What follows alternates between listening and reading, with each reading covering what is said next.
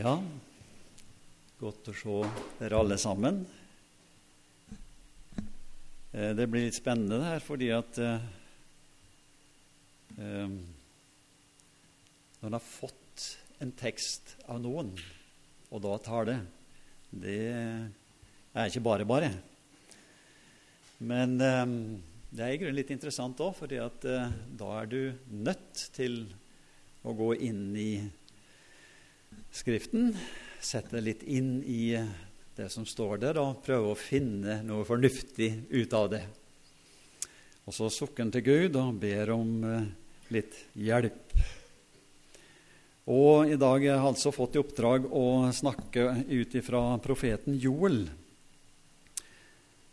Og jeg må vel si det at eh, jeg har ikke vært så veldig kjent med profeten Joel noe annet enn det som de fleste av oss har eh, hørt.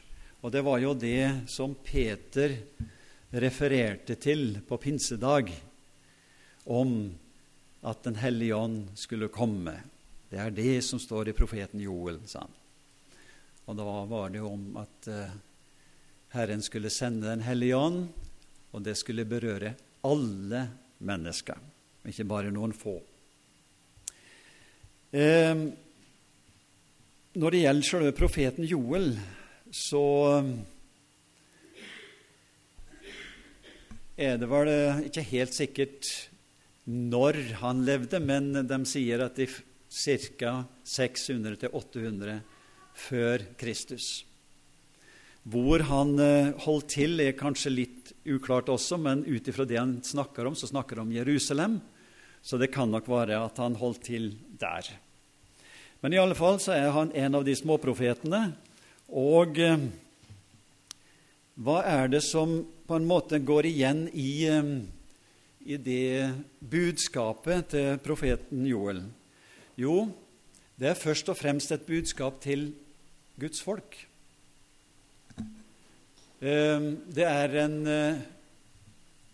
ja, la oss si en oppmuntring til omvendelse, eller en advarsel om Guds dom for Guds folk. Fordi at eh, det vises jo det, ut ifra det han sier, at jødefolket hadde eh, vandra bort ifra Gud og ifra gudsdyrkelsen og ifra samfunnet med Gud. Og så er det at eh, profeten får i oppdrag å advare folket. Midt oppi det hele, oppi det der med det som Gud må sende som en prøvelse til folket, så får vi også et, en profeti om eh, læreren av rettferdighet, eller om rettferdighet, og det er en profeti om Jesus. Og så lærer vi litt om hva Jesus bringer inn av, av eh, liv og glede og harmoni, i kontrast til den dom som Gud ville sende over jødene fordi at de eh, hadde forlatt den. Og videre så kommer vi da etter hvert inn i den profetien som eh, omhandla det som skjedde på pinsedag. Og til slutt i Joel så snakkes det om Guds folks endelige mål, altså himmelen, men det snakker også om dommen over nasjoner og dommen over de som ikke vil tro. Og Så alt det der hører med i profeten Joel. Så på en måte så er det ikke noen sånn lett, eh, lett budskap som vi hører om. Men vi skal ta til oss en del eh, ting som jeg iallfall har understreka, og som eh, jeg har lyst til at vi skal legge merke til. I, eh, i begynnelsen eh, på første kapittel så kan vi ta med oss noen vers. Helt ifra begynnelsen. Herrens ord som kom til Joel, Petuls sønn. Hør dette, dere gamle. Lytt, alle som bor i landet. Har slikt skjedd i deres dager eller i deres fedres dager? Fortell deres barn om det. De skal fortelle det til sine barn, og deres barn igjen til en kommende slekt. Det gnageren har levnet, åt vrimlen opp. Det vrimle, vrimleren levnet, åt slikkeren opp. Det slikkeren levnet, åt ødeleggeren opp. Våkn opp, dere drukne, og gråt. Jamre dere, alle vindrikkere, fordi mosten er revet bort fra munnen deres. For et folk er dratt opp mot mitt land, mektig og talløst. Dets tenner er løvetenner, det har jeksler som en løvinne. Mine vintrær har de ødelagt, mine fikentrær har de knekket. De er avplukket, og bare dere, deres grener er hvite. Og Vi kunne nok fortsette å lese her, men jeg stopper der lite grann. Um, I vers 4 så står det om gnageren og vrimleren og slikkeren og ødeleggeren. Og ta Der står det at det er en bilde på forskjellige typer gresshopper. Det ser ut som Gud hadde tillatt gresshoppesvermer å komme inn over landet. På grunn av da folkets kan du si, egoisme og søkte sin egen vei. De vandra bort ifra Gud. Og Gud som hadde folket sitt kjær, han måtte finne måter å bringe folket tilbake til seg på. Og så ser det ut som at han må bruke spesielle middel, sånn at det blir et plage for folket, så til slutt folket begynner å rope etter Gud. Eh, ta der med gresshopper Jeg har ikke sett det noe annet enn jeg så det var så vidt på en, eh, noe på TV-en en gang. Når disse gresshoppesvermene kommer, da er det omtrent ingenting som blir igjen. Den snauer alt av alt som er grønt. Uh, ute i Kenya så hadde vi ikke gresshoppesvermer, men vi hadde noe som heter for uh, Ja, var det krigsmaur, eller i alle fall sånn hærmaur. Og når den vandra, så var det ingenting som kunne stoppe den. Kom du i veien for den, så var det din skyld. For den bare gikk på. Og, og det samme bildet får du her igjen. Det var svermer som de ikke kunne få gjort noe med. Men Eh, når vi leser det her, så er det ikke så helt tydelig at det, at, det, at det, er det fysisk. Men det kan også være et bilde på fiendehærer som Gud tillot skulle komme inn over landet og plage folket og ødelegge kornhøst og, og, og alt det som hadde med, med innhøstning å gjøre. Så de to mulighetene er der. Men i alle fall, det var en sterk plage som Gud tillot skulle komme over folket. Og som sagt på grunn av at de hadde forlatt Gud. Og da er det at Gud kaller til omvendelse. Og her er det sterke bilder. Eh, Gud ønsker at folket skal omvende seg, og det av hjertet. Og da ser vi i vers 8 Klag som en jomfru som bærer sørgedrakt for sin ungdoms brudgom. Eh, hva ligger i det? Det må jo bety det at det er noen som skulle gifte seg. Det er full av kjærlighet og begeistring, de er glad i hverandre, og så blir den ene borte. Hvilken inderlig tragisk situasjon, hvilken klagesituasjon vil den ene parten da sitte med? Og det er den som Gud bruker som et bilde, eller profeten her bruker som et bilde. Han ønsker at folket skal tenke på den kjærlighet de hadde til han først, og så nå har de blitt borte fra han. Og da ønsker Gud at de skal sørge inderlig av hjertet, og ikke bare noe sånn ytre. Og så kommer det fram noe her i vers 9. Matoffer og drikkoffer er revet bort fra Herrens hus. Og nå skal vi vite det at, at uh, profeten Joel snakka først og fremst til Guds folk. Og da når vi har Det gamle testamentet og det som Gud gjør med jødefolket, det er tale til oss i Det nye testamentet. Og Derfor så må vi på en måte ta det til oss. Ikke bare si at dette her gjelder de som ikke vil tro, men det er altså advarsel inn imot hvordan vi som kristne kan også komme på avstand fra Gud, og Gud kan tillate ting å komme inn i livet vårt.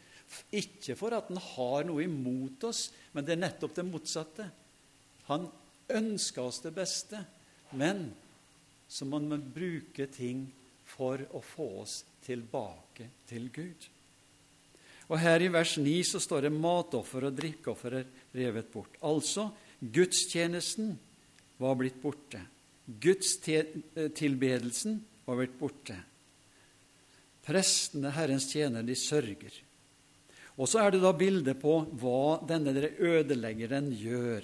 Marken er lagt øde, jorden sørger. Det er også et fysisk bilde, men det kan også gi et åndelig bilde.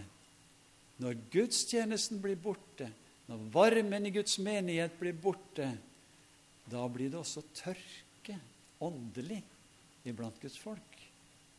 Og der kommer det litt fram her i vers 12. Vintreet tørket, fikentreet visnet, granateplene, palmen, og så ramser han opp. Og Så står det i siste setningen Ja, all fryd er forsvunnet fra menneskenes barn. Og hvis vi gjør et lite hopp ned til eh, vers 16, så står det Er ikke maten blitt borte for våre øyne? glede og fryd fra vår Guds hus. Ja. Så da har altså kan du si, gudstjenesten gått over til formalitet og død religion. Og varmen og begeistringen i menigheten er borte. Gudstilbedelsen, Guds nærheten, er blitt borte. Og da skjer det ting som virker ødeleggende. Ehm, jeg skal prøve å få med meg de tankene som jeg har notert meg her. Gleden er blitt borte, ja, skriver jeg. Legg merke til det som Jesus gjorde når han kom inn, til, inn i tempelet. Hva hadde de gjort med tempelet? Jo, de hadde gjort det til en markedsplass. De hadde begynt å ja, selge ting som skulle ofres, og det ble liksom butikken det gjaldt, og ikke gudstilbedelsen. Da er det at Jesus tar en svøpe, og så rensker han plassen. Og hva er det som skjer etterpå? Jo, det kikker jeg litt i Matteus 21, 13. Jeg bare ta med det som en liten parentes. Matteus 21,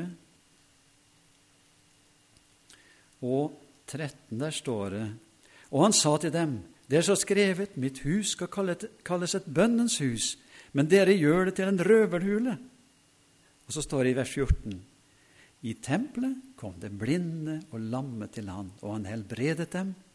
Men da ypperstepresten og de skriftlærde så de undergjerningene han gjorde, og barna som ropte i tempelet, Hosianna, Davids sønn, da ble de arme.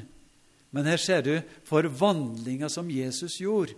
Ifra det å være en markedsplass til å være en plass der folk kunne få oppleve helbredelse og hjelp, og der ungene sang lovsanger.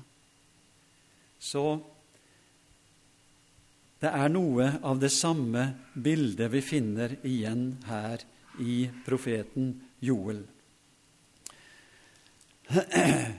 Og når når det er slik at uh, gudstjenesten blir uh, taper sin, uh, sin, funksjon, og det ikke blir sånn som, som, Jesus vil at det skal være for oss, så er det nødvendig med å søke Herren. Det er eneste veien.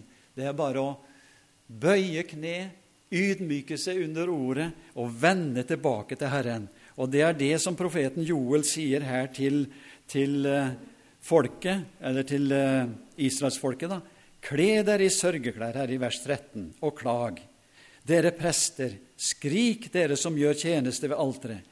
Gå inn og sitt hele natten i sørgedrakt, dere min Guds tjenere. Hva er det vi ser her? Jo, hvis de skulle sørge, men hvem var det som skulle gå i bresjen? Jo, det var de åndelige lederne. Her står det 'Dere prester, skrik'. Altså, når vi merker det at temperaturen i menigheten, livet i menigheten, ikke er det som Jesus vil, hvem er det da som har først ansvaret? Jo, er det de som er i ledelsen, de som er satt til å, til å skjøtte Guds menighet. Og de skal igjen være forbilde for resten av menigheten. Og da er det jo eh, her forskjellige ting som er nevnt om at de skal samles til en faste og be om at Guds dom ikke skal komme over dem slik som, som det ser ut her som Gud tillater, men at de nå skal ydmyke seg under, under Gud og søke Gud, slik at Gud skal vende den dommen bort. Um, jeg har notert noen, noen, flere ting her som jeg tenkte skulle ta med. Um, ja, ifra vers 16 så eh, leser vi noen vers framover. Er ikke maten blitt borte for våre øyne, glede og fryd fra vår Guds hus? Såkornet er tørket bort under mulden som dekker det, forrådshusene er ødelagt, låven er revet ned, for kornet er utskjemt. Hvor budskapen rauter, bølingene streifer skremt omkring, for det finnes ikke beite, også saueflokken må lide. Til deg roper, Herre, roper jeg, for ild har fortært beitene i ødemarken. Beitene i ødemarken, ja, flammer har forbrent alle markens trær. Det er ikke noe lystig å lese det her, men det er en tale til oss. Og markens ville dyr stønner opp til deg. Så Når jeg leser gjennom det her og tenker som så Det var altså en eh, advarsel til Guds folk. Og så står det her hvor budskapen rauter. Jeg tenker på når menigheten ikke fungerer slik som den skal, så vil frelsesbudskapet, gledesbudskapet, budskapet om oppmuntring og det som har med Herren å gjøre, når det blir borte, hva skjer da? Ja, da blir det, som det står her, budskapen rauter. Og det er ingen som leder og viser inn på Herrens vei, for det står 'bølingen streifer skremt omkring'. Og det finnes ikke beite, altså det er ikke noe næring til det åndslivet, og saueflokken må lide. Og så står det faktisk det i vers 20 også markens ville dyr stønner. Og da skrev vi ned her i notatene mine at når det står dårlige ting til med Guds folk, altså menigheten, fører det til åndelig, eller fører det til åndelig matmangel og forvirring og, åndelig, og mangel på åndelig ledelse. Og så står det, som vi las i vers 20, det påvirker også samfunnet rundt oss. Og Det står ikke om bølingen der, men det står om de ville dyr. Altså, Menigheten har en plass i samfunnet, i lokalsamfunnet. Og når menigheten fungerer, så vil det igjen gi virkninger ut til lokalsamfunn. Men hvis Guds folk vender seg bort ifra Gud og søker sin egen vei, så vil også samfunnet deretter gjøre det samme. Så vi skal være lys og salt, står det i verden. Og vi er satt til å være lys og lyse for andre, slik at de kan finne veien. Så det at menigheten fungerer, det er ikke bare til vår egen oppbyggelse, men det er også stråla ut til samfunnet rundt oss. Og De første kristne så står det at de andre De turte ikke å holde seg nær til dem, men det står 'se hvor de elsker hverandre', så de la nok merke til hvordan det var iblant de troende. Så måtte Jesus få hjelpe oss, slik at vi også kan være slik at, at vi påvirker på en positiv måte. Um, vi går inn i det andre kapitlet i uh, Joel. Nå skal ikke jeg trekke alt veldig langt, men jeg skal prøve å få med meg noen hovedpunkter her også.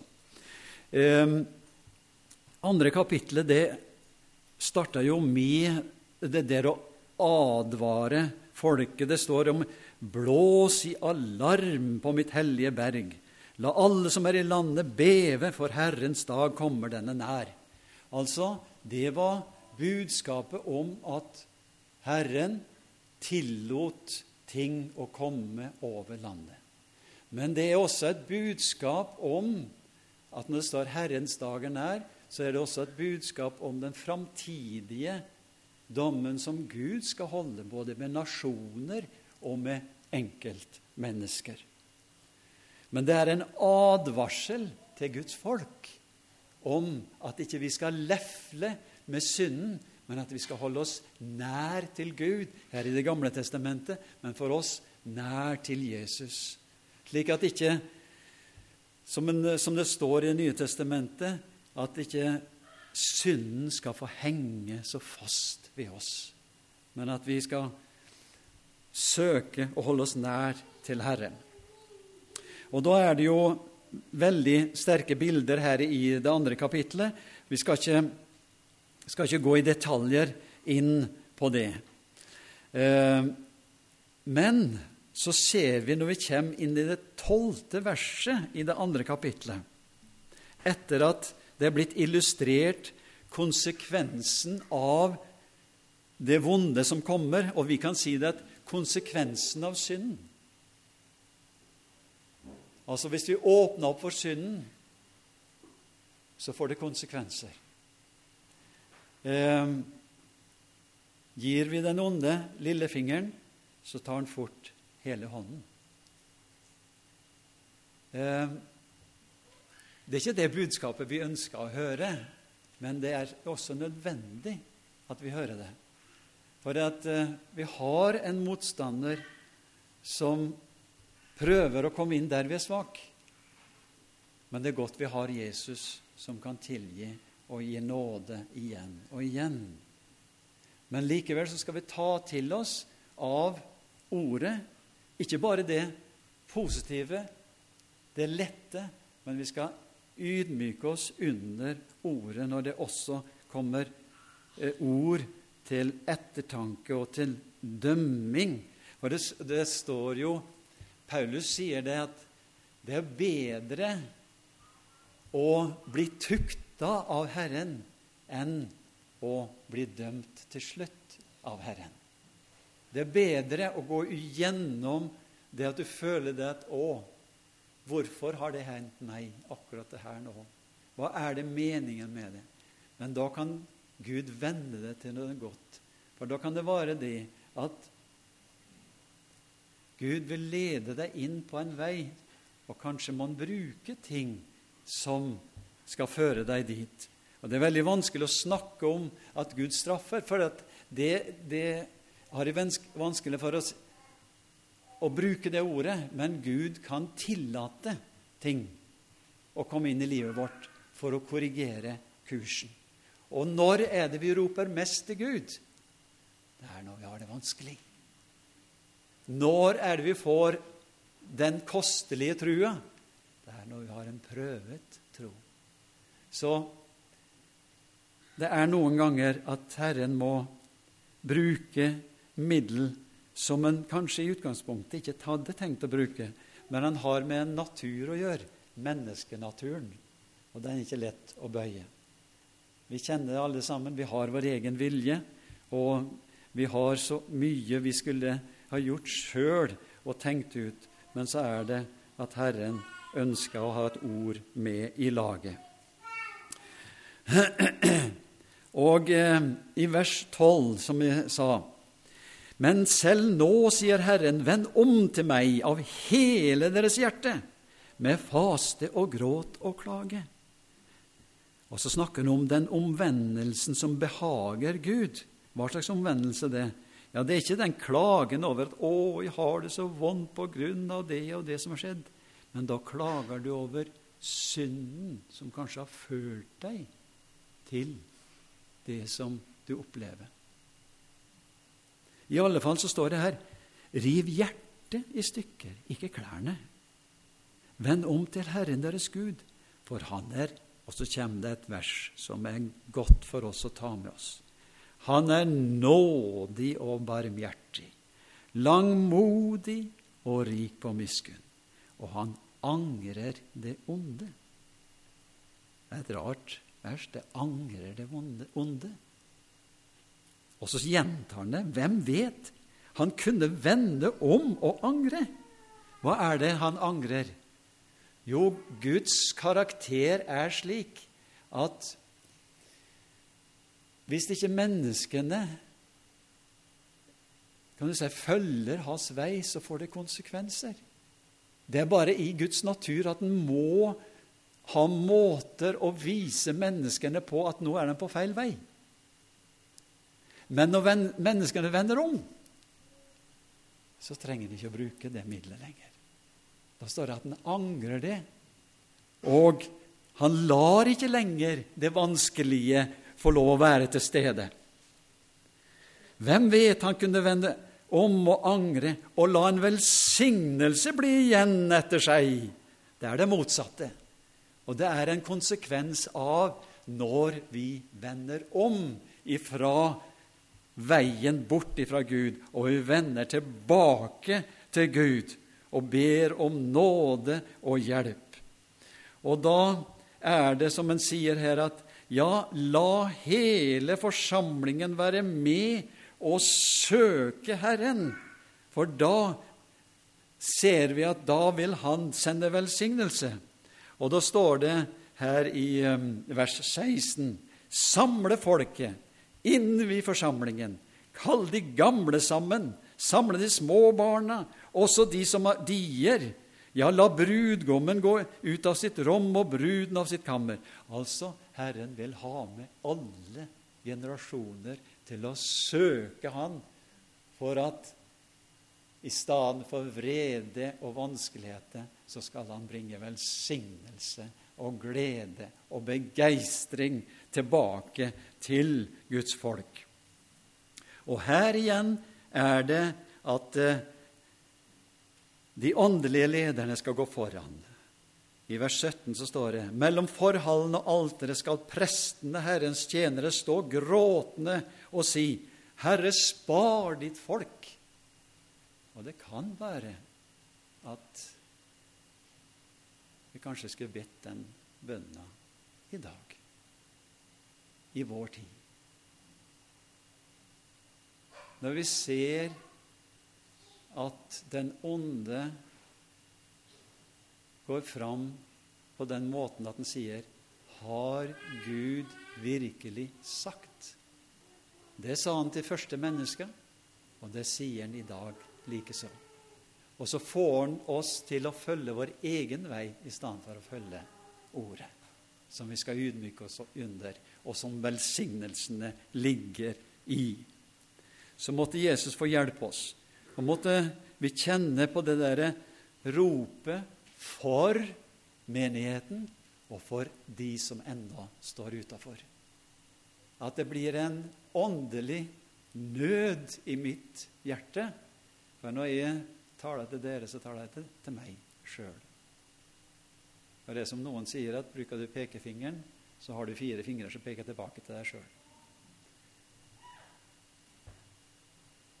At vi kanskje skulle rope mer til Herren i vårt lønnkammer, både for de som står i ledelsen i menigheten, at vi holder dem oppe i åndskampen, men at vi også roper for oss sjøl og vårt eget gudsliv, også at vi roper for de som står utafor. Ikke det fysiske ropet. Moses han ropte, han også. Og Gud sa, 'Hvorfor roper du til meg?' Men det står det. Det kom ikke et ord ut av munnen hans. Men det var hjertet som ropte.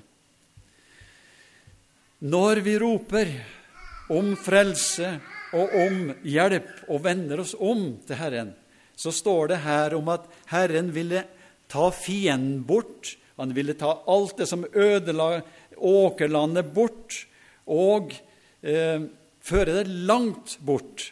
Og så står det 'frykt ikke', står det i vers 21. Åkerjord. Fry deg, vær glad, for store ting har Herren gjort. Frykt ikke, dere markens dyr, for beitene i ødemarken grønnes. Trærne bærer frukt, fikentre og vintre gir av sin rikdom. Og dere Sions barn, fryd og gled dere i Herren deres Gud, for Han gir, og så kjem ikke bare velsignelse, men en spesiell velsignelse. Og det var profetien om Jesus. For dette var altså 60 eller til 800 år før Jesus, men her kommer det en profeti om Jesus. For han gir dere læreren til rettferdighet, og så sender han regn ned til dere, tidligregn og senregn som før. Altså læreren til rettferdighet, det er Jesus. Og alt det han brakte med seg av velsignelse. Og da ser vi ut ifra det resten av kapitlet. Treskeplassen blir full av korn, og pressekarene flyter over.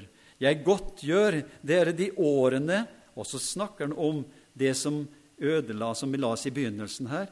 Der står om de forskjellige gresshoppene. Så står det Jeg godtgjør dere de årene da vrimleren åt opp alt, slikkeren og ødeleggeren og gnageren, min store hær, som jeg sendte mot dere. Dere skal ete og bli mette og prise Herren deres Guds navn. Her er det snakk om frelse. Her er det snakk om gjenoppbyggelse. Og når jeg las det, så tenkte jeg at hvor er det Altså, Jødefolket de fikk lov å oppleve Jesus i tre år, der de opplevde hans velsignelse og undergjerninger og alt det som Jesus hadde med.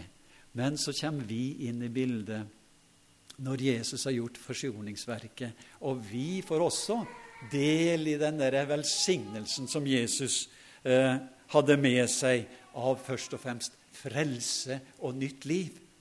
Og det er det jeg tenker på når jeg leser her i vers 25. Jeg godtgjør dere de årene da vrimleren åt opp alt.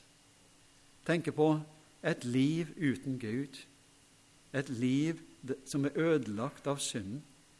Men jeg godtgjør dere de årene. Han bygger opp et menneske ifra det å være ødelagt av synden, så skal han få lov å ta imot av bare nåde. Og så bygger han vedkommende opp til å bli en person som står i samfunn med Gud, har fått et nytt liv i hjertet og er et oppreist menneske. Synden, den vil, som Jesus sa, den onde vil myrde og stjele og ødelegge. Men Jesus sa, 'Jeg vil gi dere liv og overflod'. Og Det er det som kommer igjen her i det den står 'læreren til rettferdighet'. Og eh, Mitt folk skal aldri i evighet bli til skamme. Det er jo løfter om at den som får lov å ta imot frelsen i Jesus, han skal få lov å ta del i det evige livet. Som begynner her den dagen du tar imot Jesus, og skal få lov å være med inn i evigheten, til den evige hvilen. Og det er lov å si halleluja. Det var vel det vi sa i gamle dager. Amen. Um, så eh, her er det løfter altså om Jesus som skulle komme. Eh, så går vi inn i kapittel 3. Og det er jo det, der vi ble først kjent med profeten Joel om, om det som skulle skje på pinsedagen. Og vi tar med oss noen få vers der. Og deretter skal det skje at jeg vil utgyde min ånd over alt kjød. Deres sønner og deres døtre skal tale profetiske ord. Deres gamle menn skal ha drømmer, og deres unge menn skal se syner. Ja, også over treller og trellkvinner vil jeg utgyde min ånd i de dager, og jeg vil gjøre underfulle tegn på himmelen og på jorden, blod, ild og røksøyler. Solen skal forvandles til mørke og månen til blod, før Herrens dag kommer, den store og forferdelige. Og det skal skje. Hver den som påkaller Herrens navn, skal bli frelst. Ja, vi kan ta med det resten også. For på Sions berg og i Jerusalem skal det være en flokk som har sluppet unna, slik som Herren har sagt. Og blant de overlevende skal de være som Herren kaller. Det er menighetens tidshusholdning ja, som begynte på pinsefestens dag. Da ble det forandring fra Det gamle testamentet, der noen få opplevde en berøring av Den hellige ånd og fikk utrustning til en spesiell tjeneste. Og så er det at nå på pinsedagen så er det at nå er det for alt folk. Alle som tar imot. Og da er det ikke snakk om jøder og de som var Guds folk, men nå er det snakk om alle nasjoner kan få lov å komme og ta imot det som Herren gir. Og eh, Den hellige ånd, det, det, var jo en bekreftelse på frelsesverket. Jesus han døde jo på korset, tok på seg all vår synd, sona vår synd. Og så han, drar han til himmelen, og så utgyter han, står det. Det er et gammelt ord, uttrykk, men iallfall så sender Den hellige ånd som han hadde lovt. Og det er det som vi opplever på pinsedag. Og nå er det slik at alle kan få lov å ta imot og oppleve frelsen. For det står her i vers 5, som vi las, hver den som påkaller Herrens navn, skal bli frelst. Og så står det om på Sions berg og i Jerusalem skal det være en flokk som er sluppet unna. Så det er snakk om menigheten som kommer som en konsekvens av Den hellige ånds utgytelse. Eh, men kapittel 3 har også i seg at Gud må dømme på grunn av at han er rettferdig, så må han dømme nasjoner. Han eh, må dømme de som har vært mot både Israel og mot Guds folk. Eh, det er litt vanskelig for oss å å snakke om hvordan Gud dømmer nasjoner. For det, det, det, har vi ikke oversikt over. Men vi vet at når nasjoner vender seg bort og ikke vil ha med Gud å gjøre, så kan Gud tillate ting å komme over nasjonen. Vanskelige tider, så at folk igjen vender seg om til Gud. Eh, Så her står det om en del folk som skal oppleve Guds dom, men det står også om at i helt i endetiden, helt mot slutten, så ser det ut som at Gud samler alle hedninge nasjoner, eller de som ikke ville tilhøre Han, og så skal Han gjøre et oppgjør. Noe mer vet ikke vi om det. Vi har Guds ord som sier eh, om det der, men eh, Eh, I alle fall så vet vi at Gud han må dømme synden. Eh, men det som er Du kan se det vanskeligste, det er at Gud må dømme hver enkelt menneske også på slutten. Og det er det som, som Joel sier her i vers 4 i kapittel 3. Solen skal forvandles til mørke, månen til blod, for Herrens dag kommer, den store og forferdelige. Altså, det blir en utrolig vanskelig dag for den som kommer under Guds dom. Og vi ønsker ikke å snakke om det engang. Vi ønsker å snakke om frelsen og muligheten der.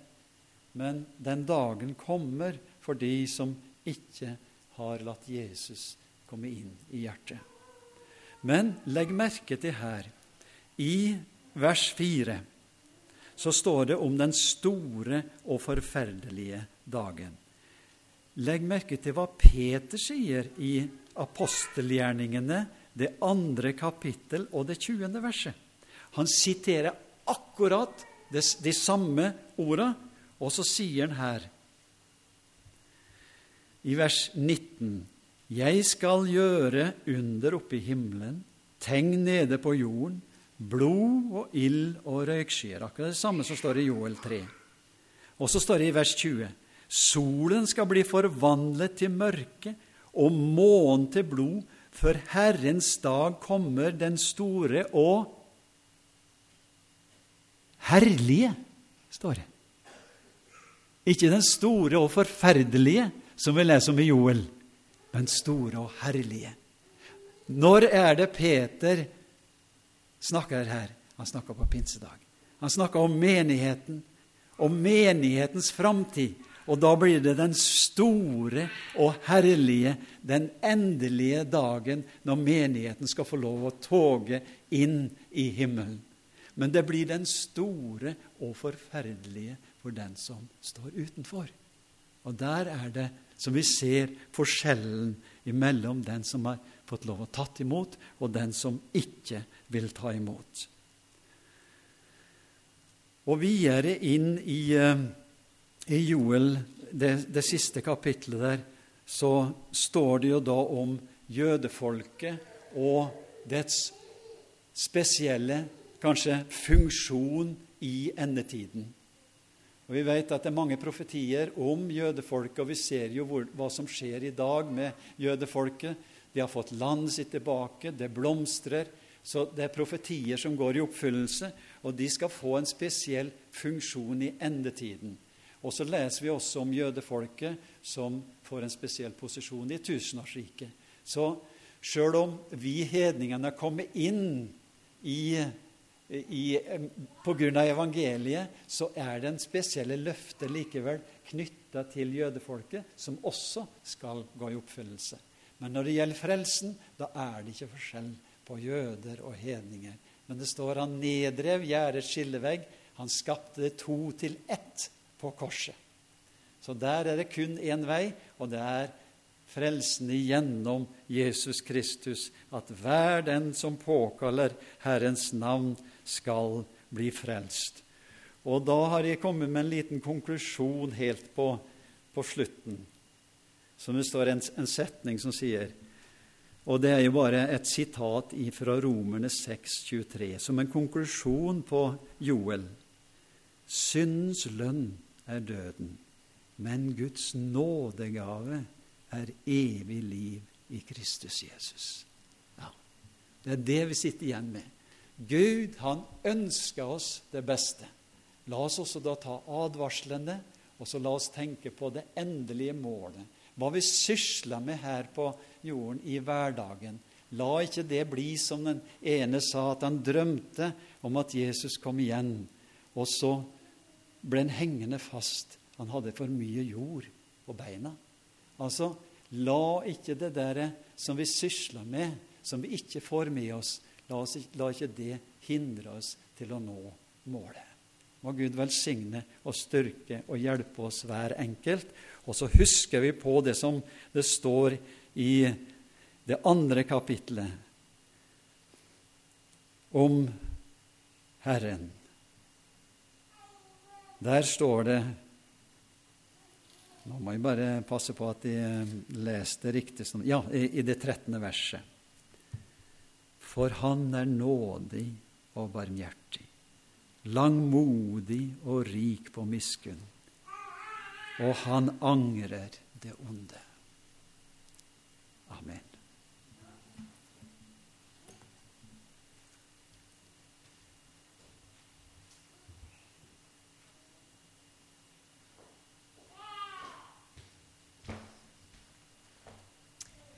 Takk skal du ha.